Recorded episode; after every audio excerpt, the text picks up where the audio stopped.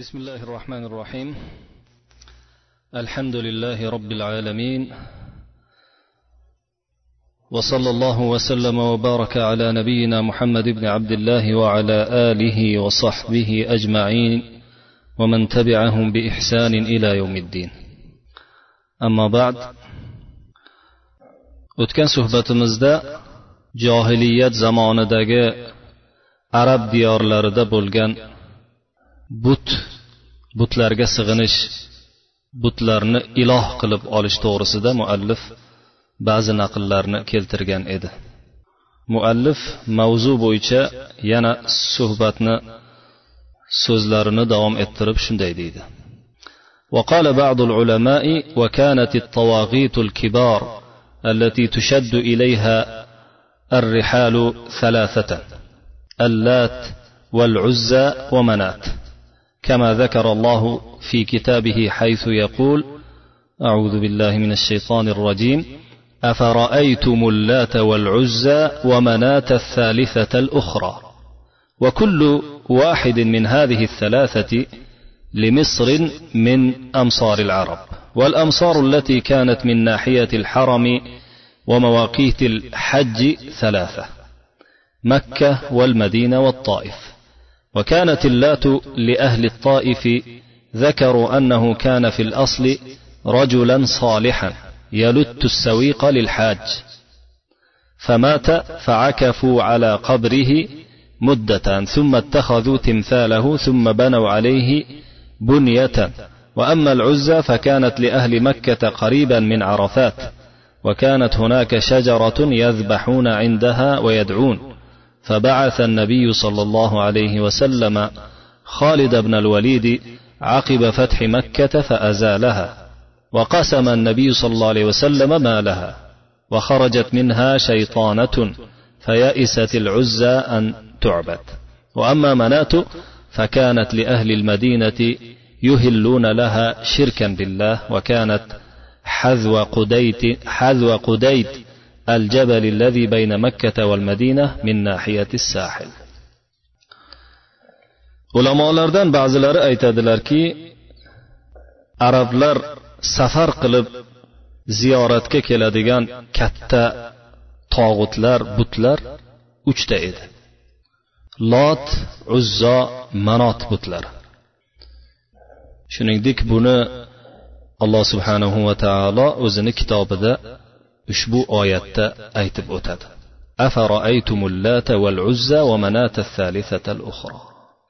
Sizlar lot bilan uzzoni uchinchi boshqa bir but bo'lmish manotni ko'rdingizlarmi?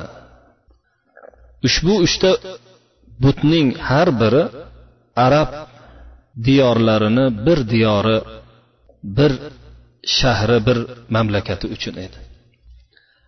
Haram nohiyasi va haj miqotlari atrofida joylashgan ushbu uchta diyor makka diyori madina diyori hamda toif diyori edi. Lot buti toif ahliniki bo'lib ular ko'pchilikning aytishicha aslida bu odam hojilarga hojilarga saviq ya'ni nima tuyib beradigan la ilaha illalloh. Talqon tuyib beradigan odam edi. Bu odam o'lib ko'pchilik uni qabriga shunday sho'ng'ib ketishdida keyin uning timsolini olib yasab olishib atrofiga bir uy qurishdi. Uzzoga keladigan bo'lsak bu makka ahli uchun edi. Makka ahli uchun hisoblangan makka ahli uchun tayyorlangan but bo'lib arafotga yaqin joyda turardi. Uning atrofida daraxt bo'lib o'sha daraxt atrofini aylanib ular duo qilib ibodat qilardilar. Payg'ambar sollallohu alayhi vasallam fathi makkaning izidanoq xolid ibn valid roziyallohu anhuni bu butni yo'q qilish uchun jo'natdilar u kishi yo'q qilib keldilar. Payg'ambar sollallohu alayhi vasallam bu but uchun to'plangan molu dunyoni taqsimlab berdilar. Butni yo'q qilishayotgan vaqtida uning ichidan bitta jin chiqib keldi. Shaytona ya'ni urg'ochi shayton chiqib keldi. Uzzo diyor o'sha e, arabiston diyorida jaziratul arabda ibodat qilinishidan umidini uzdi. Manotga keladigan bo'lsak manot madina ahli va uning atrofidagi kishilarning buti edi. Ular haj ibodatlarida xususan allohga sherik keltirishib o'sha o'shani uchun o'sha but uchun tahlil aytar edilar. But uchun labbayka aytar edilar. Makka bilan madina orasidagi dengiz sohilidagi bir tog' bo'lmish qudayt atrofida joylashgan edi. ومن أراد أن يعرف كيف كانت أحوال المشركين في عبادة أوثانهم ويعرف حقيقة الشرك الذي ذمه الله وأنواعه حتى يتبين له تأويل القرآن ويعرف ما كرهه الله ورسوله فلينظر سيرة النبي صلى الله عليه وسلم وأحوال العرب في زمانه وما ذكره الأزرقي في أخبار مكة وغيره من العلماء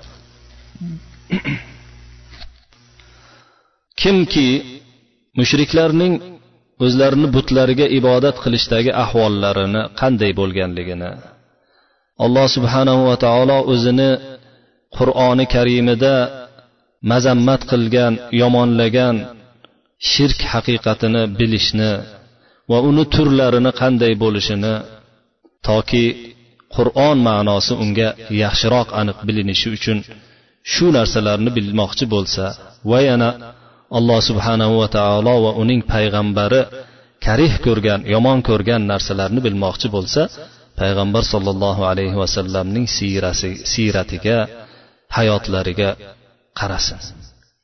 Hamda arablar ahvolini payg'ambar sollallohu alayhi vasallamni zamonida qanday bo'lganini ilgargi zamonlarda qanday bo'lganligini bilsin o'shanga qarasin.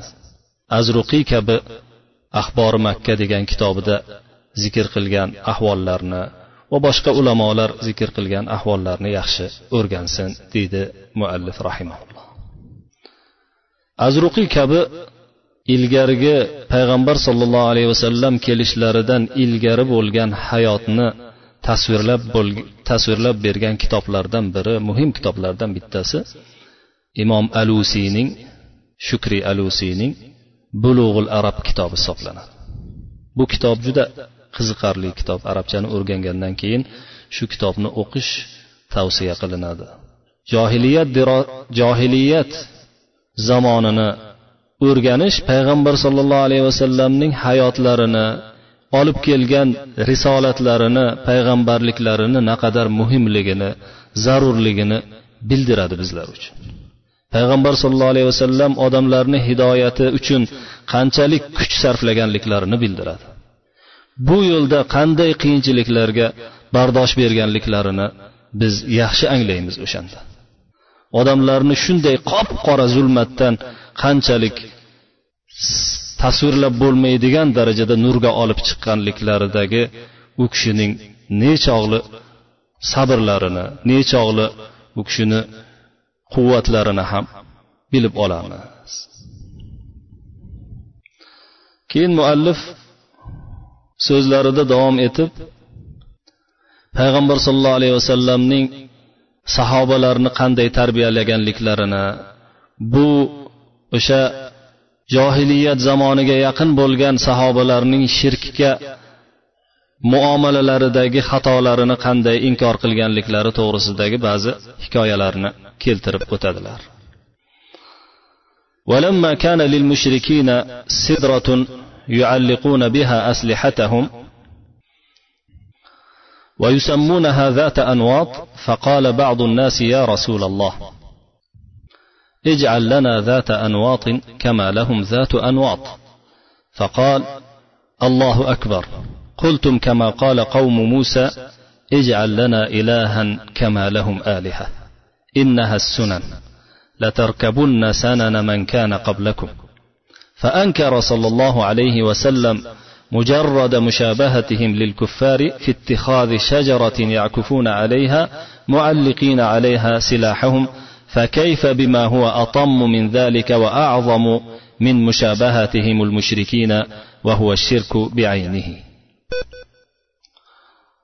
mushriklarning bir daraxti bo'lib o'sha daraxtga ular o'zlarini qurol aslahalarini ilib qo'yishar edilar bu daraxtni zoti anvot deb atar edilar yangi dinga kirgan sahobalardan ba'zilari payg'ambar sollallohu alayhi vasallam o'sha joydan o'tib ketayotganlarida payg'ambar sollallohu alayhi vasallam bilan yo rasululloh bu manovlarni zoti anvoti bo'lgandek bizga ham zoti anvot qilib bering deb qolishdi.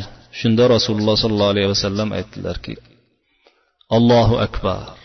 Xuddi musoni qavmi musoga aytgan gapni qildinglar musoni qavmi sura arofda keladi ijallana ilahan kamalahum aliha degan edi yo muso ey muso alayhissalom bizga ularni mana butlari bordek ilohlari bordek bizga ham bitta but qilib iloh qilib bering deyishgan edi qavmi dedilar payg'ambar sallallohu alayhi vasallamda keyin aytdilarki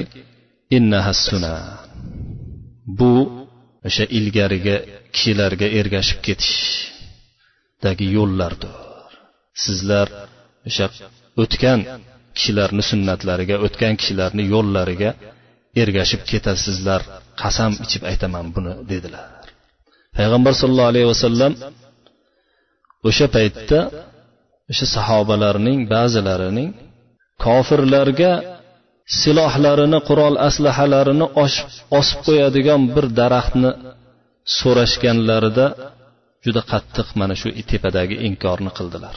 Keyin muallif aytadilarki bundan ko'ra kattaroq bo'lgan bundan ko'ra yomonroq bo'lgan o'xshashlarni nima qilamiz shirkni o'zi bo'lgan o'xshashlarni alloh o'zi saqlasin deydilar وروي عن عمر بن الخطاب رضي الله عنه أنه قال إنما تنقض إنما تنقض عرى الإسلام عروة عروة إذا نشأ في الإسلام من لا يعرف الجاهلية يكي إنما ينقض عرى الإسلام عروة عروة إذا نشأ في الإسلام من لا يعرف الجاهلية وذلك أنه إذا لم يعرف ما كان عليه أهل الجاهلية وقع فيه وهو لا يشعر hazrati umar ibn xattob roziyallohu anhudan rivoyat qilinadiki kishi aytdilarki islom bog'ichlarini islom tugunlarini birma bir yechib buzib ketaveradi johiliyatni tanimasdan faqat islomda yashab o'tgan odam dedilar. Buni ma'nosi shuki agar johiliyat ahli nimada ekanligini johiliyat ah-, ahlining nimalari qanday yomon ish qilganliklarini bilmaydigan bo'lsa o'zi sezmagan holda ularni yomon qilig'iga yomon ishlariga tushib qoladi degani. قال هشام بن محمد بن السائب الكلبي وكانت لقريش أصنام في جوف الكعبة وحولها وأعظمها عندهم هبل. وكان فيما بلغني من عقيق أحمر على صورة الإنسان. وكانوا إذا اختصموا في أمر أو أرادوا سفرا أتوه فاستسقوا فاستسقم فاستقسموا عنده بالقداح. وهو الذي قال أبو سفيان يوم, يوم أحد أعلو هبال فقال رسول الله صلى الله عليه وسلم قولوا الله أعلى وأجل وكان لهم إساف ونائلة هشام بن محمد as ibn soib al kalbiydan muallif naql qilib yana shunday deydilar qurayshning kaba ichida va atrofida turli xil sanamlari butlari bo'lar edi ularning eng kattasi hubal Ularni nazdida eng ulug'i kattasi hubal buti hisoblanardi.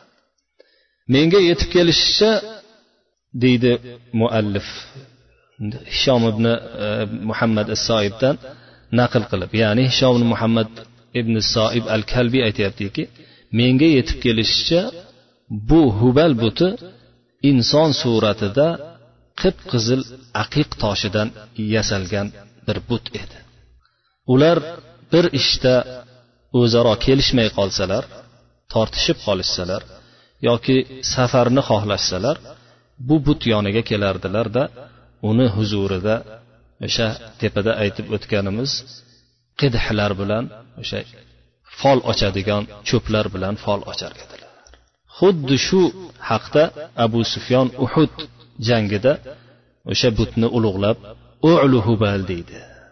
Ya'ni oliy bo'lgin ey hubal hubal oliy bo'lsin yashasin hubal deganday payg'ambar sallallohu alayhi vasallam shunda sahobalarga o'rgatdilarki aytinglarki allohu ala va ajal denglar olloh ulug'roqdir balandroqdir va buyukroqdir deb javob beringlar dedilar ularning yana isof va noila degan butlari ham bor edi قيل إن أصلهما أن إساف رجل من جرهم ونائلة بنت زيد ابن جرهم وكان يتعشقها في أرض اليمن فأقبلوا حجاجا فدخل البيت فوجد غفلة من الناس ففجر بها في البيت فمسخا حجرين فأخرجوهما فوضعوهما عند الكعبة ليتعظ بهما الناس فلما طال مكثهما وعبدت الأصنام عبدا معها فكانوا يذبحون عندهما والله أعلم. Kalbiy aytadiki bu isof bilan noila degan butning asli isof jurhum qabilasidan bitta yigit edi odam edi. Noila ham o'sha jurhum qabilasidagi noila bintu zayd degan bir ayol edi. U haligi yigit o'sha ayolni yaman yeridayoq yamanda turgan paytdayoq o'zi oshiq bo'lib yurardi. Hojilarga qo'shilishib hoji bo'lib kelishdi. Ular uyga kirdilarda odamlarning uyga ya'ni kabatullohga kabatullohga kirdilarda odamlardan g'aflat paytini odamlarning g'aflatda ekan ekan vaqtini topib uy ichida buzuqlik qildilar. Shunda ular toshga aylantirib qo'yildi. Ular bundan xabar topishib tashqariga olib chiqib tashladilar va kaba yoniga odamlar bundan ibrat olsinlar deb qo'yib qo'ydilar. Sharmanda bo'lganliklarini odamlar ko'rib ibrat olsinlar deb qo'yib qo'ydilar. Zamonlar o'tib bularni bu toshlarni turishi ko'p vaqt o'tib ketganidan keyin boshqa toshlar butlar ibodat qilinib ketganidan keyin bu ikkalasi ham ularga qo'shilib ibodat qilib ketildi. Ular makka mushriklari bu ikkita butni bo'sag'asida qurbonlik so'yar edilar. Deydi kalbiy vallohu alam قال ابن إسحاق والكلبي وكان ذو الخلصة لدوس وخثعم في بجيلة ومن كان ببلادهم من العرب وكان مروة بيضاء منقوشا عليها كهيئة التاج وكان له بيت. فقال رسول الله صلى الله عليه وسلم لجرير ألا تكفيني ذا الخلصة؟ فسار إليه بأحمس فقاتلته خثعم وباهلة فظفر بهم وهدم بيت ذي الخلصة وأضرم فيه النار. محمد بن إسحاق رحمه الله والكلبي وكلبي هم shunday naql qilishadi zulxalasa degan but davs va hasam qabilasiga qarashli edi bajila qabilasi ichidagi hasam yoki bajila degan joydagi ba'zilar bujayla ham deydi hasam qabilasi va davs qabilasiga qarashli but edi. Davs qabilasidan bilasizlar mashhur abdurahmon ibn sohir ad davsiy abu hurayra roziyallohu anhu chiqqanlar. Bajila qabilasidan yoki bujayla qabilasidan jarir ibn abdulloh il bajali hozir zikr keladigan sahobiy ulug' sahobiy chiqqanlar. Bu ikkala qabilaga qarashli edi zulxalasa buti. Hamda o'sha qabilalar atrofidagi arablarga ham qarashli edi. Ya'ni shular ibodat qilar edilar mana shu butga. Bu butni shakli xuddi toj shaklidek toj hay'atiga o'xshagan naqshinkor oppoq toshdan iborat edi. Bu butning uyi ham bor edi ya'ni atrofiga uy ham qurib qo'ygan edilar. Rasululloh sollallohu alayhi vasallam jarir ibn abdulloh al bajaliyga zul xalasani kifoya qilib bermaysizmi dedilar. Ya'ni zul xalasani yo'qotib bermaysizmi dedilar. Shunda jarir ibn abdulloh al bajali zulhalasaga qarab yurish qildilar ahmasdan boshlab. Ahmas degan joydan boshlab zulhalasaga qarab yurish qildilar. Ularga bu kishini askarlariga hasam qabilasi va bohila qabilasi qattiq qarshilik ko'rsatdi. Ularni ustidan g'olib bo'lib zulhalasani uyini buzib unga o't qo'yib qaytib keldilar deydi ibn ishoq va kalbiy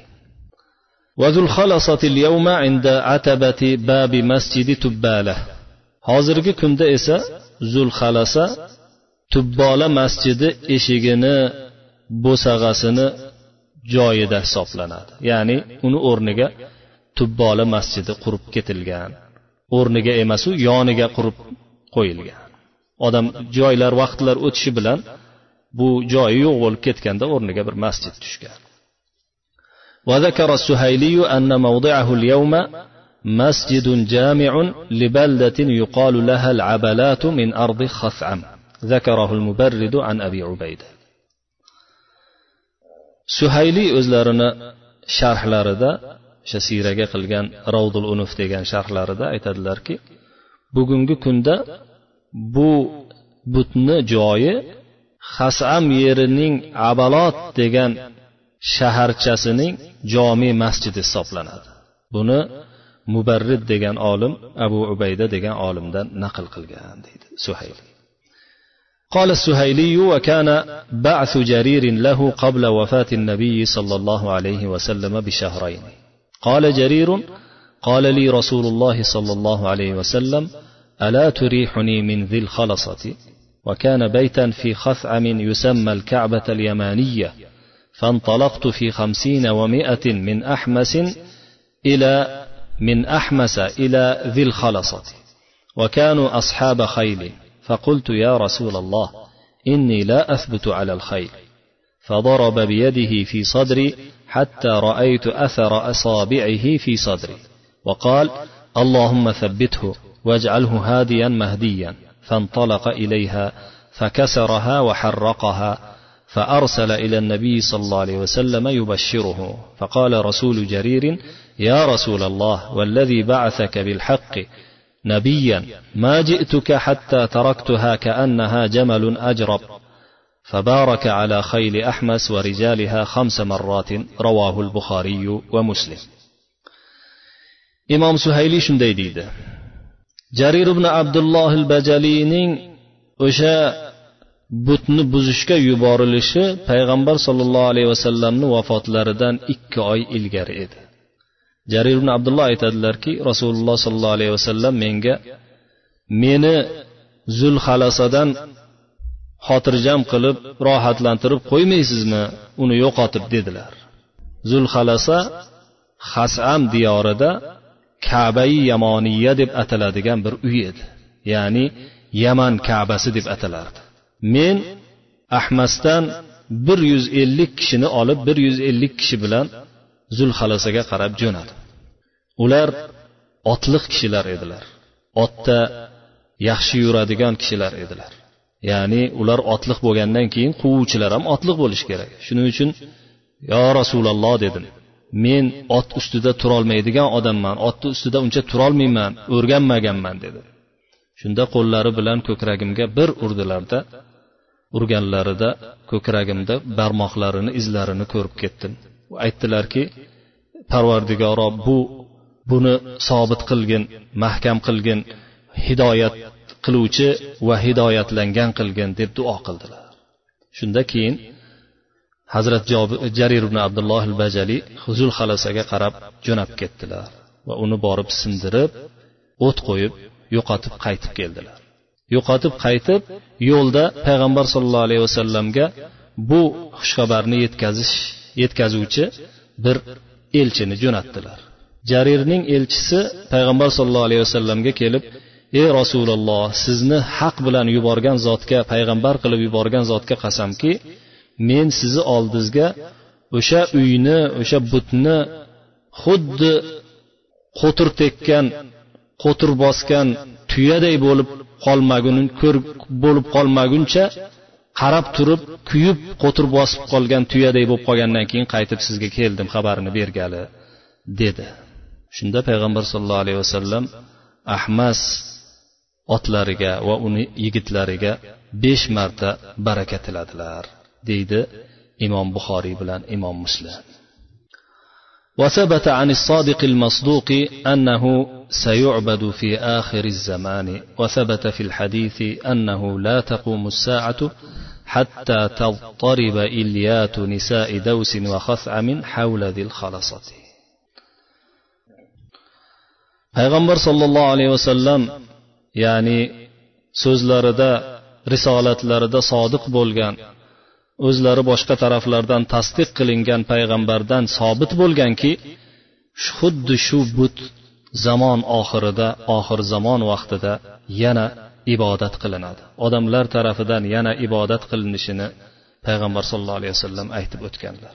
Sahih hadisda sobit bo'lganki qiyomat qoyim bo'lmaydi hatto davs va hasam qabilalari ayollarini orqalari uchalari o'sha zulxalasa butuni atrofida likillab aylanmaguncha qiyomat bo'lmaydi degan payg'ambar sallallohu alayhi vasallam وكان لدوس صنم يقال له ذو الكفين فلما أسلموا بعث رسول الله صلى الله عليه وسلم الطفيل بن عمرو الدوسي فحرقه دوس قبيلة قبيلة سنين هم ذو الكفين degan buti sanami bo'lardi ular musulmon bo'lganlaridan keyin payg'ambar sollallohu alayhi vasallam o'sha qabilani bir vakili bo'lmish tufayl ibn amr davsiy roziyallohu anhuni unga jo'natdilar u kishi borib uni kuydirib o't qo'yib yo'qotib keldi وكان لبن الحارث بن يشكر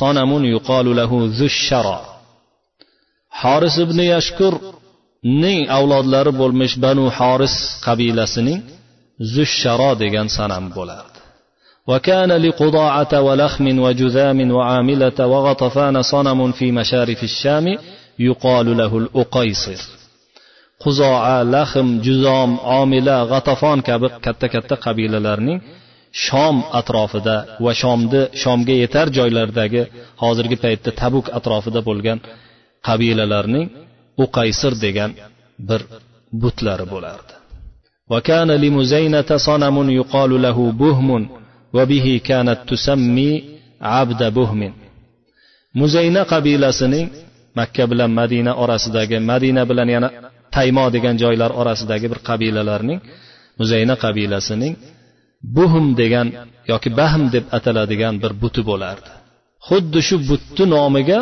o'zlarini farzandlarini qo'yardilar abdubahm abdubuhum deb ya'ni butni bandasi deb qo'yardilar ismlarni وكان لعنزة صنم يقال له سعير anaza degan qabilaning ham sair degan buti bo'lar edi وكان لطيء صنم يقال له الفلس بين سلمى وأجا toy qabilasining salmo bilan ajo degan ikkita tog' o'rtasida fals degan sanami bo'lardi وكان لأهل كل دار بمكة صنم في دارهم يعبدونه makkada har bir hovlida har bir xonadonda o'zlari ibodat qiladigan bir butlari bo'lardi فإذا أراد أحدهم السفر كان آخر ما يصنع في منزله أن يتمسح به safarni xohlaydigan bo'lsa birontasi o'zining uyida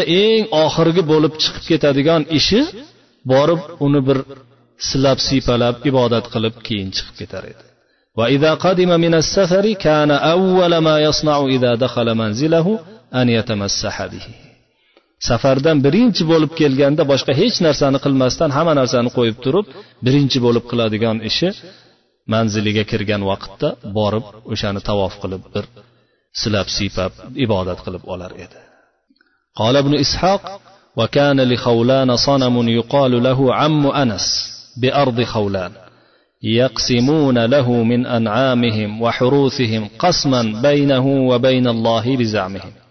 فما دخل في حق عم أنس من حق الله سموه له وتركوه وما دخل في حق الله من حق عم أنس ردوه عليه وفيهم أنزل الله تعالى وجعلوا لله مما ذرأ من الحرث والأنعام نصيبا. الآية. ابن إسحاق aytadilarki havlon qabilasining ham bir sanami bo'lib unga o'sha havlon yerida sanami bo'lib unga ammu anas deb nom qo'ygan edilar. Ular o'sha butlariga o'sha sanamlariga o'zlarini chorpoqlaridan va dehqonchiliklaridan bir bo'lak ajratib qo'ygan edilar. Bir bo'lak ajratib un bilan ollohni o'rtasida taqsimlar edilar o'zlarini davolaricha. Buni ollohniki deb kambag'alga berardilar. Buni uniki deb hech narsa tegizmasdan qo'yib qo'yardilar. Agar mabodo ollohni haqqi deb atalgan narsa bo'lib qo'ygan narsalaridan ammo anasini haqqiga o'tib ketadigan bo'lsa indamasdan uni ismini atab turib qo'yib qo'yardilarda ollohni haqqiga o'tib ketadigan ammo anasni haqqidan o'tib ketadigan bo'lsa e bu ammo anasidan ollohni haqqiga o'tib qolibdiyu deb qaytarib o'zlari o'zini tomoniga bu ammo anas tarafga qarab bu tarafga qarab qaytarib qo'yardilar shu to'g'rida alloh subhanava taolo anom surasidagi ba'zi oyatlarni nozil qildi deydi muallif وجعلوا لله مما ذرأ من الحرث والأنعام نصيبا ular mushriklar olloh uchun ollohni o'zi yaratib qo'ygan narsalaridan yaratib qo'ygan o'sha dehqonchiligu chorpoqlaridan bir nasiba ajratib qo'ydilar deb olloh ularga inkor qilib shunday deyapti. قال ابن إسحاق وكان لبني ملكان ابن كنانة بن خزيمة صنم يقال له سعد صخرة بفلاة من الأرض طويلة فأقبل رجل منهم بإبل له مؤبلة ليقفها عليه ابتغاء بركته فيما يزعم فلما رأته الإبل وكانت تهراق عليه الدماء نفرت منه فذهبت في كل وجه فغضب ربها فأخذ حجرا فرماه به ثم قال لا بارك الله فيك نفرت, نفرت علي إبلي. ثم خرج في طلبها حتى جمعها فلما اجتمعت قال أتينا إلى سعد ليجمع شملنا ففرقنا سعد فلا نحن من سعد وهل سعد إلا صخرة بتنوفة؟ من الأرض لا تدعو لغي ولا رشد ابن إسحاق aytadilarki mulkon ibn kinona ibn huzayma farzandlarining ya'ni banu mulkon qabilasining bir sad ya'ni baxt saodat degan bir buti bo'lardi bu but yer o'sha o'zlarini joylarini bir sahroga o'xshagan uzun sahroga o'xshagan joyida uzun toshdan iborat bo'lgan bir but edi. Bir kuni o'sha qabilani odamlaridan bittasi o'zining o'sha ulug'lagan olloh o'sha butlari uchun atab qo'yilgan butlari uchun atab qo'yilgan tuyalarini o'sha yerda barakasini istab shu yerda tursin mana baraka olsin mana shu butni yonida deb o'zini davosicha o'sha yerga olib kelib qo'ydi. Butlar bu toshni ko'rganlarida e, tuyalar bu toshni ko'rganlarida chunki bu tosh ustida doim qurbonliklar qilinib tosh qondan iborat boshqa atrofida bu narsalar to'planib qolgan edi. Tuyalar buni ko'rib hurkib ketishdida hammasi har tarafga qarab qochib ketdi.